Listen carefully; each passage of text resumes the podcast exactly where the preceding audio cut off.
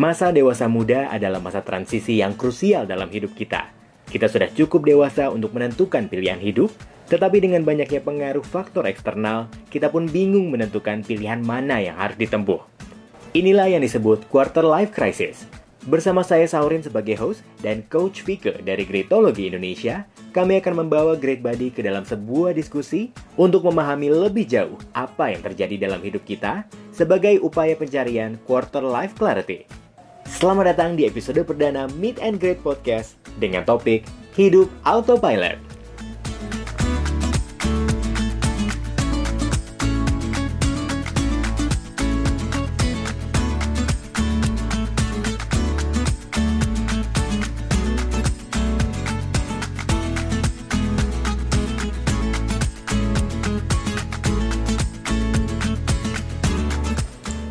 Halo semuanya, perkenalkan gue Saurin dan gue akan menjadi host untuk podcast Meet and Great.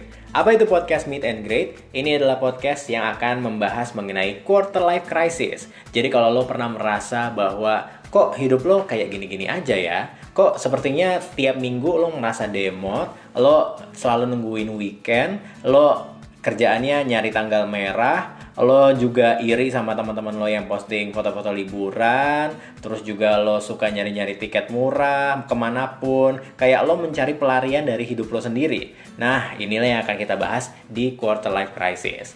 Misalnya juga lo pengen S2 atau enggak, pengen buka usaha sendiri atau enggak. Apalagi di zaman sekarang yang kita terekspos banyak banget informasi, kita jadi punya banyak banget pilihan dan itu yang akan menjadi krisis dalam hidup kita. Jadi kita bersama-sama Great Body, kita akan bahas dan juga diskusi bareng untuk mencari quarter life clarity.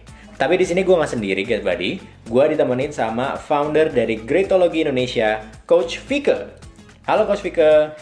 Hai Saurin, hai Great Buddy. Jadi Coach Vika ini adalah Certified Professional Coach yang sudah memenuhi standar dari ICF alias International Coach Federation. Dan juga Coach Vika ini adalah praktisi yang berpengalaman di bidang learning and development, talent management, engagement, dan juga culture. Dia sudah malang melintang di eh, bagian personal development, di eh, coaching-coaching personal, dan juga di perusahaan-perusahaan multinasional. Betul ya Pak Cuka ya? Benar praktisi di fokusnya learning and development, Learning and development. kemudian uh, talent management, engagement and culture. Hmm, Uh, jadi memang people development related ya. People development related. Nah, uh, Oke, kemudian kalau misalnya coachingnya juga terkait sama uh, life coaching sama career coaching. Oke, jadi Gitu. begitu Great Body. Apa yang akan lo temui di Meet and Great adalah terkait permasalahan hidup kita sehari-hari mengenai quarter life crisis. Dan untuk episode perdana kita di Meet and Great, topik kita adalah hidup autopilot. Gila nih, kayaknya gua merasa related banget sama topik yang dibawa sama Coach Vika kali ini. Kayaknya apa yang gua lakukan sehari-hari, kok rasanya kayak autopilot banget ya. Coba dijelasin dulu deh Coach Vika, kira-kira hidup autopilot itu kayak apa sih? Hidup autopilot sih simpelnya adalah ngejalanin hidup ya udah ngalir aja gitu. Ngalir aja Ngalir gitu aja ya. Soalnya kalau autopilot kan berarti kita kayak nggak punya kontrol apa yang Bener. terjadi gitu kan. Bener banget Sal. Go Kalau- with the flow Go lah. with the flow. Kalau kaitannya sama pilihan hidup nih kayak gimana sih misalnya Coach Vika? Oke, kan sebenarnya tadi kita bahas go with the flow ya. Emang Hmm. sih asik ya, kayaknya nyaman-nyaman aja nih ngin- hidup sesuai dengan uh, yang di depan lah, Hmm. ngalir gitu. Hmm. Tapi kan kita sebenarnya nggak tahu ngalirnya ke mana nih. Oke. Ngalirnya ke laut, samudra atau selokan, gitulah ya kurang lebihnya. Jadi Gue sebenarnya sih kalau- maunya mengalir ke hatimu. Oke. Males banget. kalau kalau misalnya terkait sama tadi pilihan hidup ya Mm-mm. eh mungkin kerasa banget karena ini terkait sama eh, harapan tujuan ekspektasi dalam hidup Mm-mm. once kita misalnya eh, belum punya kejelasan soal itu ya hidup Mm-mm. kita jadi autopilot jadi Iya, ya udah iya. ngalir aja Mm-mm. gitu Eh, biasanya kerasa mungkin eh, pas kita masuk ke fase-fase di mana kita mulai dihadapin sama pilihan-pilihan hidup Pilihan hidup. Misalnya itu mungkin yang sederhana banget pernah ngalamin yang saat kita milih jurusan. Oh, waktu Ah, masuk lu kuliah jurusan ya. apa sih, Sal? Kalau gue kebetulan jurusannya communication. Oke. Asik. itu yang anak-anak banyak mau banget ya. Parah. Tapi itu, banyak banget. itu lo secara sadar milih itu. Secara sadar lo milih itu. Karena lo tahu lo mau ke mana. Karena ya terdengar keren aja sih sesungguhnya. Tapi kayak maksudnya ada eh, kayak ke depannya lo mau gimana, plan lo ada lah ya. Hmm, ada sempat pernah ada. Tapi gue juga pernah ada temen gue yang ngerasa sebenarnya dia masuk kuliah satu jurusan yang dia sebenarnya nggak minat, tapi karena kampusnya prestisius. Karena Oke, kayak orang tuanya pengen, pokoknya kamu harus kuliah di kampus yang di Depok ini loh. Hmm, oke oke oke. Pun jurusannya apa pun terserah, yang penting kamu kuliah di situ gitu. Apa pun ya. Mm-mm. kayak gitu kan sebenarnya banyak dialami sama uh, semua orang di dunia ini sih sebenarnya. Itu kalau kayak gitu uh, kan berarti hidup kita banyak dipengaruhi faktor eksternal banget ya. Bener. Bener. Apakah lingkungan kita yang toksik itu akan mempengaruhi bagaimana kita mengoptimalkan diri kita coach juga? Eh, sebenarnya mempengaruhi iya pastinya. Nah mungkin kalau misalnya kuliah sih kita palingan ya eh, efeknya ya paling gak betah atau Hmm. misalnya gimana ya pastinya pas kuliah kan kita juga ada hambatan ya. Hmm. Misalnya skripsi deh gitu.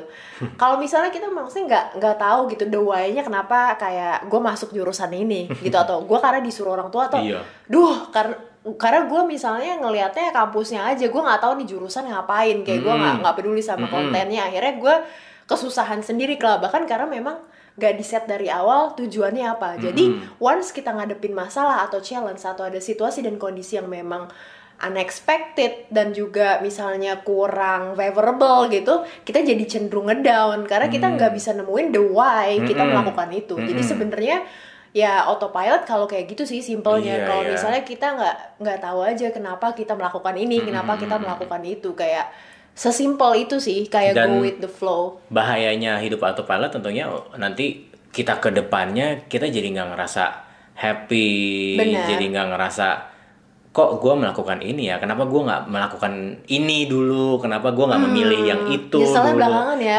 Belakangan Ha-ha. ya nggak sih? nggak kayak benar-benar uh, fully control nggak benar-benar berasa take charge gitu Mm-mm.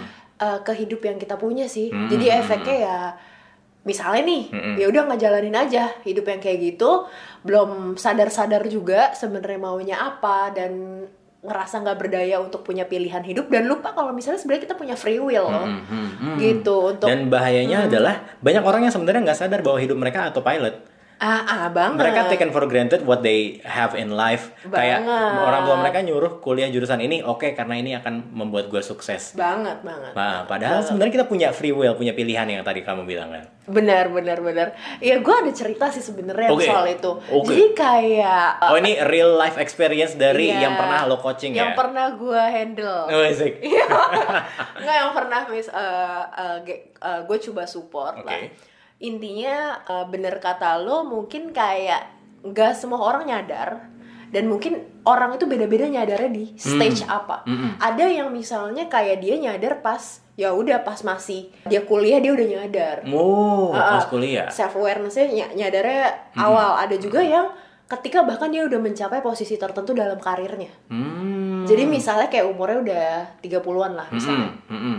nah dia sebenarnya punya posisi yang Mm-mm. tadi lo bilang misalnya kita hidup nggak hidup ngalir tapi misalnya kita nggak punya eh, kita nggak tahu sebenarnya kita kita sendiri mau apa Iya, ha-ha. akhirnya kita lebih banyak mendengarkan eksternal Mm-mm. kita lebih banyak ngikutin konstruksi sosial Mm-mm. kayak sebenarnya kan kayak ekspektasi masyarakat kan sebenarnya nggak habis-habis ya Mm-mm. kayak ada aja gitu ya Kayak kalau lo sukses adalah lo kerja di perusahaan ini, lo Iya. sukses adalah lo punya mobil, lo Iya. gaji lo berapa digit gitu Mm-mm, kan? Benar. Dan dia kebetulan memang punya kapabilitas dan dia achiever juga orangnya. Oke. Jadi Hmm. memang ya dia bisa sampai ke sana Oh, gitu. jadi dia ngejalanin hidupnya yang autopilot yang banyak dipengaruhi eksternal dan dia sukses Iya, dan sebenarnya bagi sukses. orang lain dia sukses. Bener. Sampai dia bilang ke gue kayaknya kalau misalnya di awal lu nggak lu bakalan gak expect gue bakal datang ke lo untuk cerita ini dia Oh. bilang lo nggak bakalan kalau lo lihat dari luar dan gue nggak share lo pasti ngeliatnya hidup gue enak Mm-mm. Oh Karena dia dia- ngomong kayak gitu. Iya, ke dia ngomong kayak gitu ke gue dan dia bilang padahal ya yang gue lakukan kayaknya memang banyak dengerin kata orang Hmm. mulai dari kayaknya gue bahkan nggak nggak punya kesempatan untuk nentuin pilihan hidup gue dan itu dari kecil makanya kayak mungkin kalau misalnya teman-teman udah ada yang mau jadi orang tua atau apa kayak biasakan untuk misalnya anak juga misalnya dikasih uh, kesempatan untuk uh, nentuin decision ya Iya, belajar iya. mempunyai Hmm. pilihan sendiri Betul. nah akhirnya misalnya ngikutin orang tua atau ngikutin misalnya yang dianggap keren bagi lingkungannya kayak apa kemudian yang dianggap aspirasi bosnya buat dia apa jadi terlalu banyak memang ngikutin eksternal jadinya Hmm. dia terbiasa untuk ya udahlah go with the flow aja toh bisa-bisa juga karena Bisa-bisa juga. pada intinya kita bisa kan ngerjain apa pun gitu Betul. ya kalau misalnya biasa gitu dan ada keinginan Hmm, gitu ya hmm. cuman apakah itu yang benar-benar kita mau Iya, heeh. pertanyaannya kayak gitu sih Karena So, memang waktu terus berjalan dan berjalan, sebenarnya hidup kita ya akan go on aja gitu. Tapi masalahnya adalah dengan hidup kita yang autopilot ini, apakah kita akan menikmati hidup kita yang cuma sekali ini? bener bener Mm-mm. umur kan juga nambah ya boy Betul. ya Aduh, tiap hari mikirin umur nambah, belum beli rumah, belum beli karena konstruksi sosial adalah sudah umur sekian harus punya apa gitu kan. Aduh, gimana dong, Fik?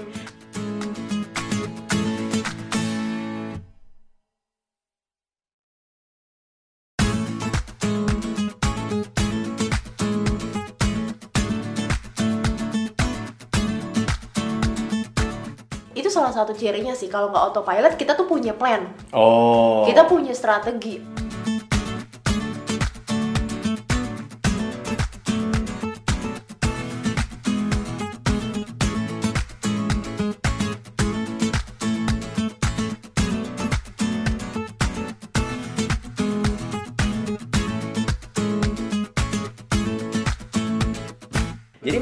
itu salah ya kalau misalnya ngikutin konstruksi sosial tuh salah.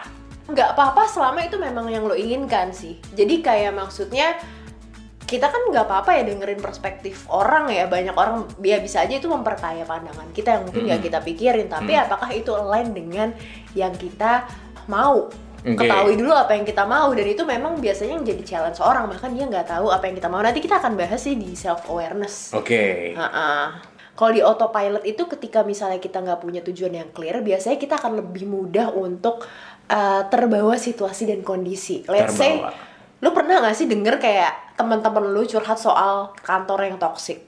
Hmm, oke. Kantor Hah. yang toksik. Toksik kayak misalnya apa aja? Misalnya kayak even teman kantor lo nanya lo kapan nikah? Kayak even kantor lo teman-teman kantor lo nanya eh, atau bos lo misalnya eh, selalu ngejelek-jelekin lo gitu. Kayak nggak dukung perkembangan sedek sekecil apa pun yang lo buat. Kayak gitu nggak sih Bener banget, bener banget. Itu kayak beberapa hal ya, kayak yang uh, contoh dari toksik, kemudian misalnya lingkungannya kurang mendukung berkembang juga dan segala macem ya. Once kita misalnya ngejalanin hidup yang autopilot, lingkungan-lingkungan yang kayak gitu akan bener-bener punya pengaruh yang besar dibanding kita misalnya ngejalanin hidup yang misalnya full, uh, kita punya kontrol full besar. control emang sebenarnya harusnya hidupnya kayak apa sih yang hidup yang full control tuh kayak apa Oke, kalau misalnya dalam konteks yang toksik, ketika misalnya kita nggak autopilot, kita akan fokus ke hal-hal yang bisa kita kontrol. Let's say, kita kan akan ny- lebih nyadar kita punya free will. Mm-mm. Stay dan pindah itu Mm-mm. adalah keputusan. oh Jadi oke. ketika kita stay itu juga keputusan. iya Kenapa? Karena stay ada ada resikonya, ada konsekuensinya, dan pindah juga ada resiko dan konsekuensi. Mm-mm. Nah, tapi ketika misalnya kita tahu, kita misalnya full control, berarti kita punya tujuan dan punya alasan untuk stay misalnya. Mm-mm. Oke, gue stay karena A, B, C, D, E, F. Mm-mm. Nah, ketika misalnya gue stay A, B, C, D, E, F, kan gue jadi bisa fokus ke, oke di sini berarti gue masih nyari ini segala macam segala macam.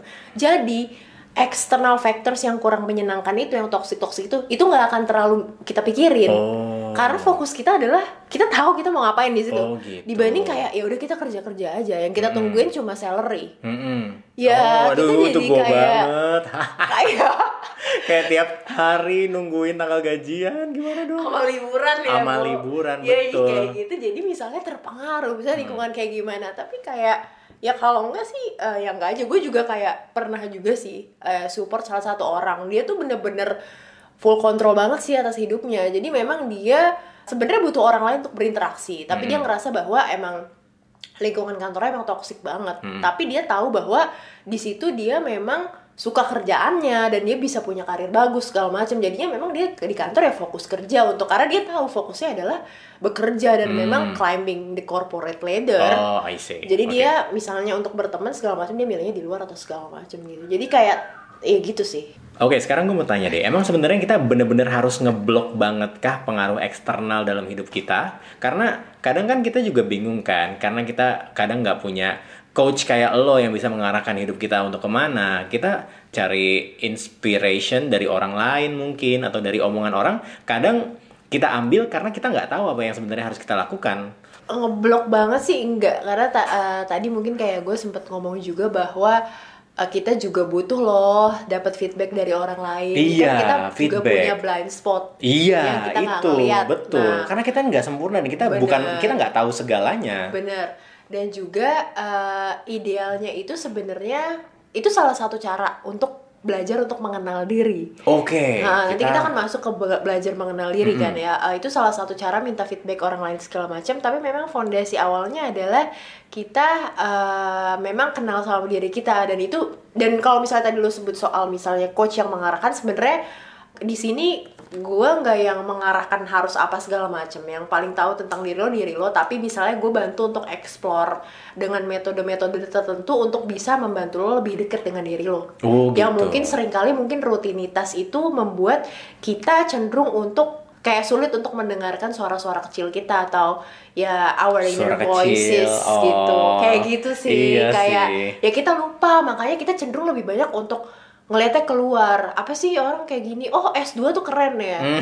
kayak ya udah mumpung karena gue lagi jenuh sama kerjaan gue apa gue S2 aja. Betul, kayak gitu ya, kalau misalnya iya. kita nggak terlalu aware sama sebenarnya Hmm. diri kita mau apa jadi kita gampang sih untuk ikut-ikutan. Dan once misalnya kita milih itu dengan kondisi yang kita nggak self aware kita bakal nyesel. Karena apa? Karena ya inget aja semua pilihan ada konsekuensinya. Lu lu stay di kantor lo atau lu S2 yang nggak ya nggak ada yang lebih enak. Pasti semua ada resikonya masing-masing. Tapi apa yang membuat kita keep going dan bertahan adalah ya life goal. Hmm, Oke. kayak gitu. Vic, lo bisa nggak share lebih jauh lagi mungkin pengalaman dari yang pernah cerita ke lo, share ke lo, gimana sih akibat dari lo ngejalanin hidup yang autopilot, hidup yang autopilot ya biasanya ngerasa powerless sih. Powerless? Heeh, yang kayak ya lu nggak kayak sesimpel lu nggak punya alasan untuk kayak mulai hari Senin Oh my kayak mungkin god. kayak lu nggak misalnya kita Gila sih kegalauan di minggu malam itu adalah minggu sore ya minggu sore itu hakiki tiap minggu dialamin. Iya, karena mungkin kayak ya udah itu hanya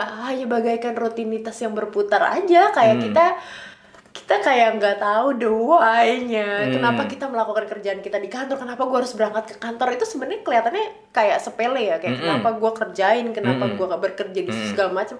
Tapi kalau dijawab itu powerful sih, maksudnya Hmm. itu yang jadi bisa jadi driver kita untuk ngelakuin sesuatu gitu loh. Jadi ya mungkin kayak efeknya powerless, kemudian kita juga jadi ngerasa kurang berdaya kalau ngadepin lingkungan-lingkungan yang kurang enak ya pasti ya namanya juga hidup pasti ada yang kurang enak pas- dan kita nggak bisa ngontrol atau ngerubah orang juga pasti ada difficult people dan macam-macam kita juga jadi cenderungannya adalah uh, menyalahkan keadaan juga kemudian kita juga uh, jadi Ada istilahnya nggak sih sebenarnya buat apa yang kayak gitu?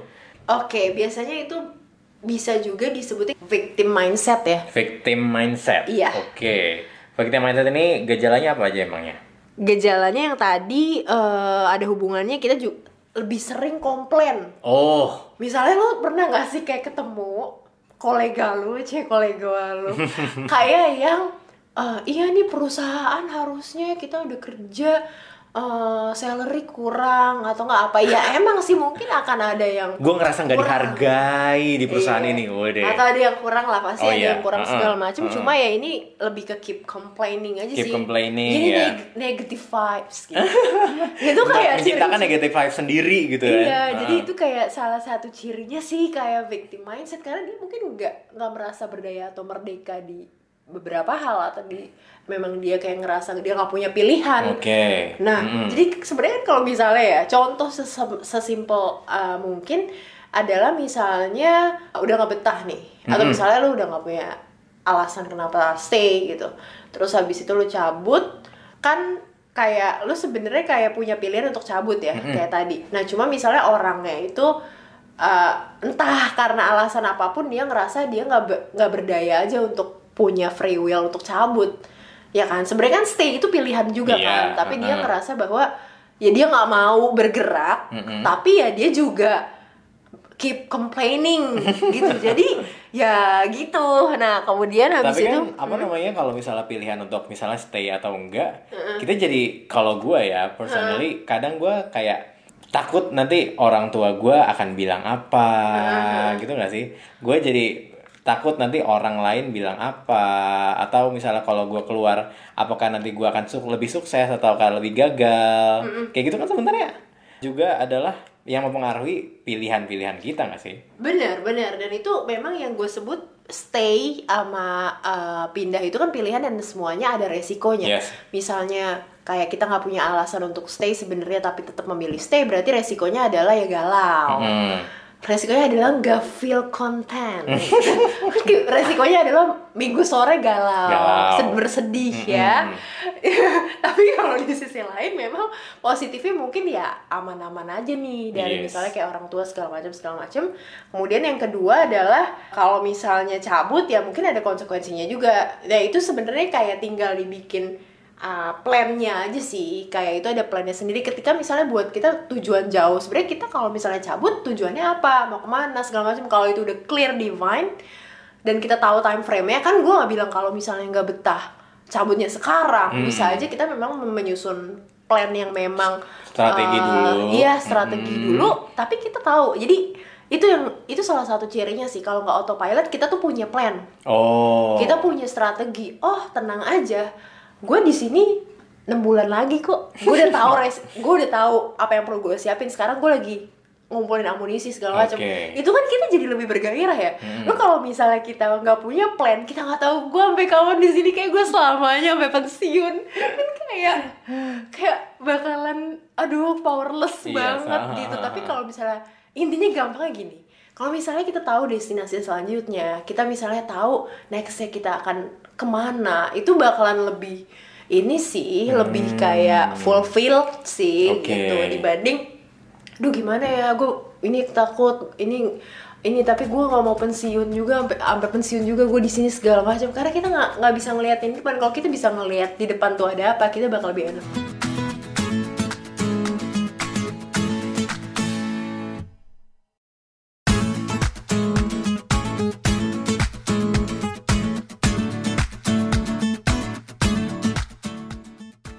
ikutan gosip terus kayak dukung networking lo terus lo dapet bisnis Oh, ya. misalnya kayak Oh, iya gitu Jadi juga. kayak sebenarnya Iya, bener, bener, bener, bener. dilihat dari sudut Ah. pandang masing-masing Iya.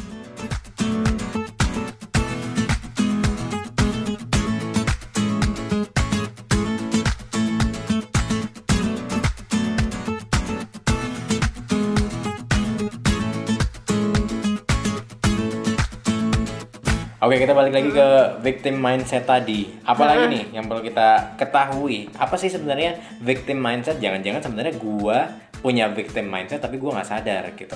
coba tanya eh, dulu ke diri kita misalnya kita tahu nggak nextnya apa kayak ke depannya apa Oh, terus itu kita tahu nggak adalah- kenapa alasannya kalau misalnya kayak banyak yang misalnya oh belum belum belum belum eh, terus ternyata kita misalnya ngerasa nggak nyaman ya mungkin ada gejala-gejala ke arah sana. Atau kita misalnya ngebanding-bandingin diri sama orang. Karena Oke. misalnya kita nggak kita nggak terlalu eh, fokus sama misalnya kita punya tujuan. Kita bahkan nggak punya tujuan gitu. Jadi kayak duh temen gue keren banget ya. Kayak dia eh, bikin startup sendiri atau Iya. terus tiba-tiba eh, di feed ganti nih kayak ada update lain duh temen gue habis dapet beasiswa X jadi kayak selalu ada yang lebih indah dari hidup Iya, kita gitu betul. Apalagi di zaman sosial media kayak sekarang, Banget. di mana semua orang adalah pamer Banget. kehidupan gitu. Iya, karena- Ada yang pamer karir, ada yang pamer pendidikan, ada yang pamer jalan-jalan.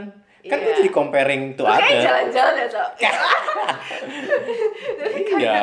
itu karena kita bener-bener kayak belum tahu sih sebenarnya apa yang kita uh, inginkan apa yang kita sebenarnya pengen tuju karena kan versi sukses orang masing-masing ya. Mm-mm. kayak beda-beda Mm. kalau kita misalnya kayak belum define punya kita sendiri kita bakalan kayak gampang lah banding-bandingin tapi Mm. kalau misalnya kita udah kayak well divine kita bakalan oh ngelihat temen uh, misalnya lagi S2 atau temen misalnya bikin startup atau misalnya Oke. temen uh, milih berkarir aja di corporate atau segala macem ya itu pilihan hidup orang lain dan kita akan ngeliat oh iya gue seneng dengan apa yang dia capai tapi gue juga sangat seneng dengan jalan yang gue tempuh sendiri Hmm. karena gue tahu uh, gue on progress Iya, karena Dia timeline orang kan beda-beda gitu kan. benar. Ada yang udah jadi manajer, tapi ada yang baru buka usaha, itu kan memang Iya, beda-beda. bener bener. Kemudian jadi kayak less ownership juga. Apa tuh artinya? Ke hidup kayak lebih. Sebenarnya kan eh, kita tuh kan punya potensi masing-masing ya, Mm-mm. punya eh, kita itu punya sesuatu yang gifted gitu Mm-mm. loh, yang unik gitu. Mm-mm. Nah kita jadi kayak lupa untuk bener eh, bener-bener make the most of uh, our potential gitu Hmm. karena kita kayak terlalu misalnya silau sama sinar orang lain Hmm. kayak terlalu banyak hal-hal yang sebenarnya nggak fokus ke diri juga gitu Hmm. Uh, jadi kita itu salah satu ininya juga sih gejalanya juga kurang lebih sih gitu sih Sal Oke, terus gimana caranya biar kita nggak nggak lagi-lagi jadi orang yang punya victim mindset nih? Eh, pertama adalah kalau misalnya kondisinya lagi nggak enak gitu ya, misalnya kantor kita toksik atau misalnya segala macem, ya ya akui itu ada, maksudnya nggak usah kayak denial gitu, cuman kita fokus ke hal yang bukannya kayak enggak enggak enggak tutup mata enggak ini enggak. Tapi kadang tuh bukan denial, Ini kadang tuh mimpi. kadang tuh bikin excuse Iya, gitu kayak loh. gimana, gimana? Kayak misalnya ah kantor gua nih bosnya nggak suportif, tapi kayaknya di kantor lain juga belum tentu bosnya akan sebaik dia, belum tentu.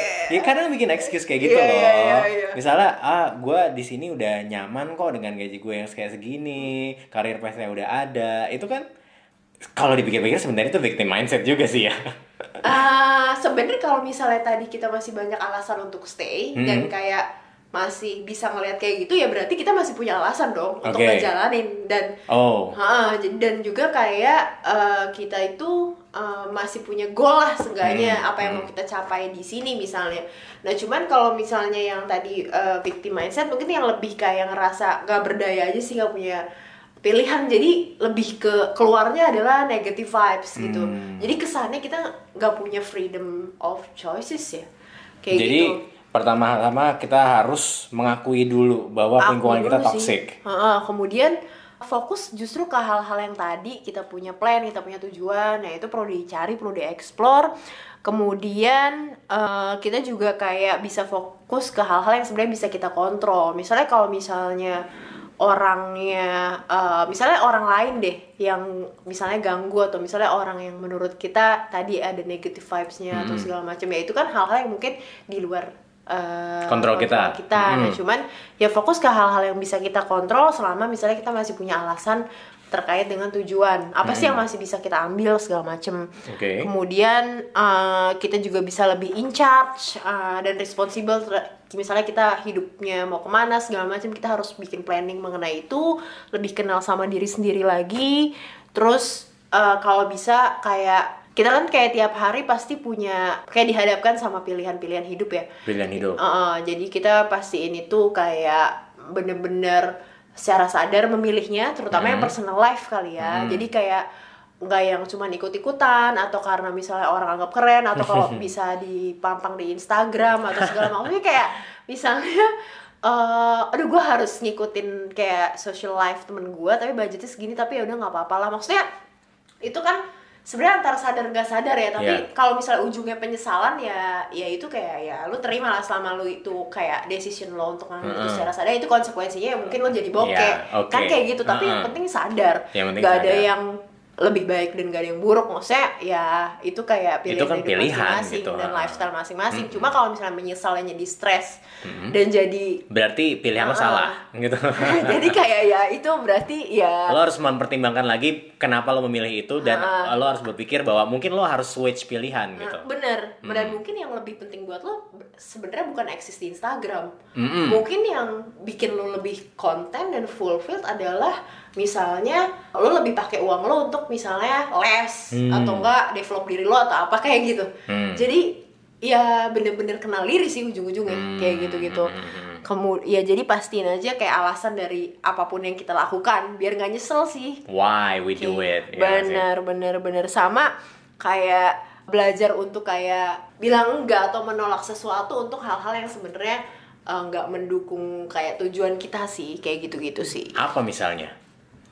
Misalnya kalau untuk penyesalan ya misalnya kayak ngabisin banyak waktu di sosmed tapi Hmm. padahal kayak kita udah punya tujuan tertentu atau segala macem atau nggak ngabisin waktu di Netflix padahal kayak kita punya udah punya target tertentu dan segala macem ya Hmm. iya eh, coba untuk ini coba untuk eh, lebih punya kontrol atas itu aja Oh gitu. dan sebenarnya kalau misalnya ada goal sama plannya sih pasti nggak uh, bukan pasti ya, tapi bisa diminimalisir lah kayak Hmm. untuk misalnya ya nggak apa-apa nonton Netflix, ya nggak apa-apa nonton uh, main sosmed dan segala macam ya kayak kita kan juga butuh ya semuanya. Tapi sebagai misalnya sebagai waktu istirahat kayak lo batasin kayak Ah, cuma ah, ah. setengah jam kah, satu episode kah, kayak gitu nggak sih? Dan menggunakan sisa waktunya untuk sesuatu yang lain yang lebih produktif. Iya. Yang sesuai sama arah tujuan lo tadinya mau Iya. ke mana.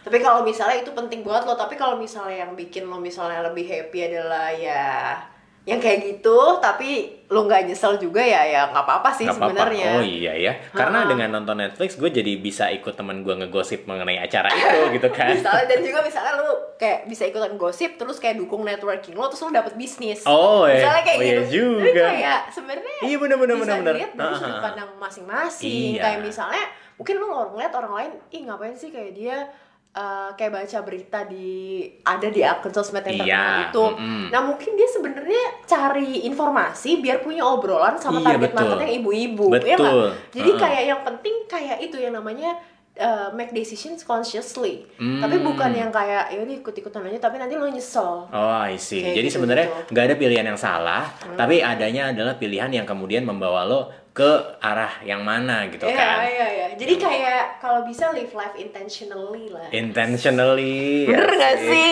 Kayak gitulah kurang lebih ya. Oke, Great Body. Jadi ternyata itu adalah definisi dari hidup autopilot yang kemudian menyebabkan kita memiliki victim mindset. Iya nggak sih? Karena kita, Bener banget. Mm, kita nggak apa namanya kurang self aware, kita kemudian merasa powerless, merasa nggak punya kontrol, dan juga tentunya eh, banyak menimbulkan kekecewaan-kekecewaan dan nggak puas dan juga nggak menemukan kebahagiaan dalam hidup. Bener, keep complaining. Keep complaining, apalagi tadi nyalahin orang, Nyalain orang, nyalain kondisi less gitu. ownership. Banget. Hmm, Itu adalah episode pertama kita Great Body di Meet and Great ini. Kita akan lanjut lagi di episode kedua, masih bahas juga tentang autopilot, tapi tentunya kita akan kembangin lagi setelah ini kita apa sih yang harus kita lakukan untuk bisa keluar dari hidup yang autopilot. Baik, Coach Vika, terima kasih sekali untuk episode pertama kali ini dan juga tentunya terima kasih Great Body yang udah dengerin episode pertama kita di Meet and Great. Kita tak eh, mohon banget dukungan dari lo dengan cara lo subscribe aja di channel kita, channel mana pun lo dengerin kita ya. Baik Iya. itu di Spotify atau di mana pun lah itu terserah lo. Mohon di subscribe biar kita termotivasi dengan pilihan yang kita pilih ini.